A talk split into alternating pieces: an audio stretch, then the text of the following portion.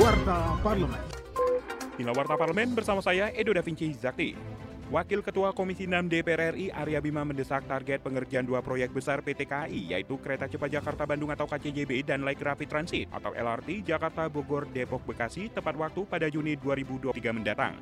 Politisi fraksi PD Perjuangan itu mengingatkan anggaran yang digelontorkan untuk kedua proyek tersebut tidak sedikit karena menurutnya pada Januari lalu usulan penyertaan modal negara sebesar 3,2 triliun rupiah dari APBN 2022 telah disetujui. Warta Parlemen.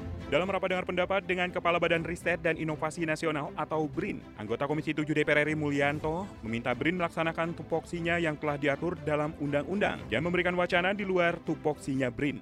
Ketika baru ada wacana tentang badai besar, muncul statement seorang peneliti BRIN, akan terjadi badai ekstrim di Banten. Apa kewenangannya? Walaupun saya tahu Ristek BRIN melakukan studi early warning system dengan bantuan Jerman. Data-data itu kuat kita. Tapi yang berhak menyampaikan itu ke publik adalah BMKG. Sekarang kita dikejutkan lagi. Seorang periset memberikan segempok data, semundel data APBN yang bersifat rahasia, detail kepada wartawan. Itu apakah terkendali atau tidak dokumen seperti itu?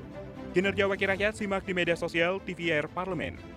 Wakil Ketua Komisi 4 DPR RI Dede Mulyadi mengatakan pelepasan lahan hutan di Desa Kota Niur, Provinsi Bengkulu tidak ada keberpihakan negara yang mengarah pada upaya perlindungan masyarakat adat secara turun-temurun. Usai kunjungan spesifik ke Provinsi Bengkulu, legislator praksi Partai Golkar itu melihat banyak kawasan perkebunan sawit dan pertambangan yang berada di kawasan hutan. Untuk itu dirinya mendesak pemerintah dalam hal ini KLHK segera menertibkan wilayah konservasi. Televisi Radio.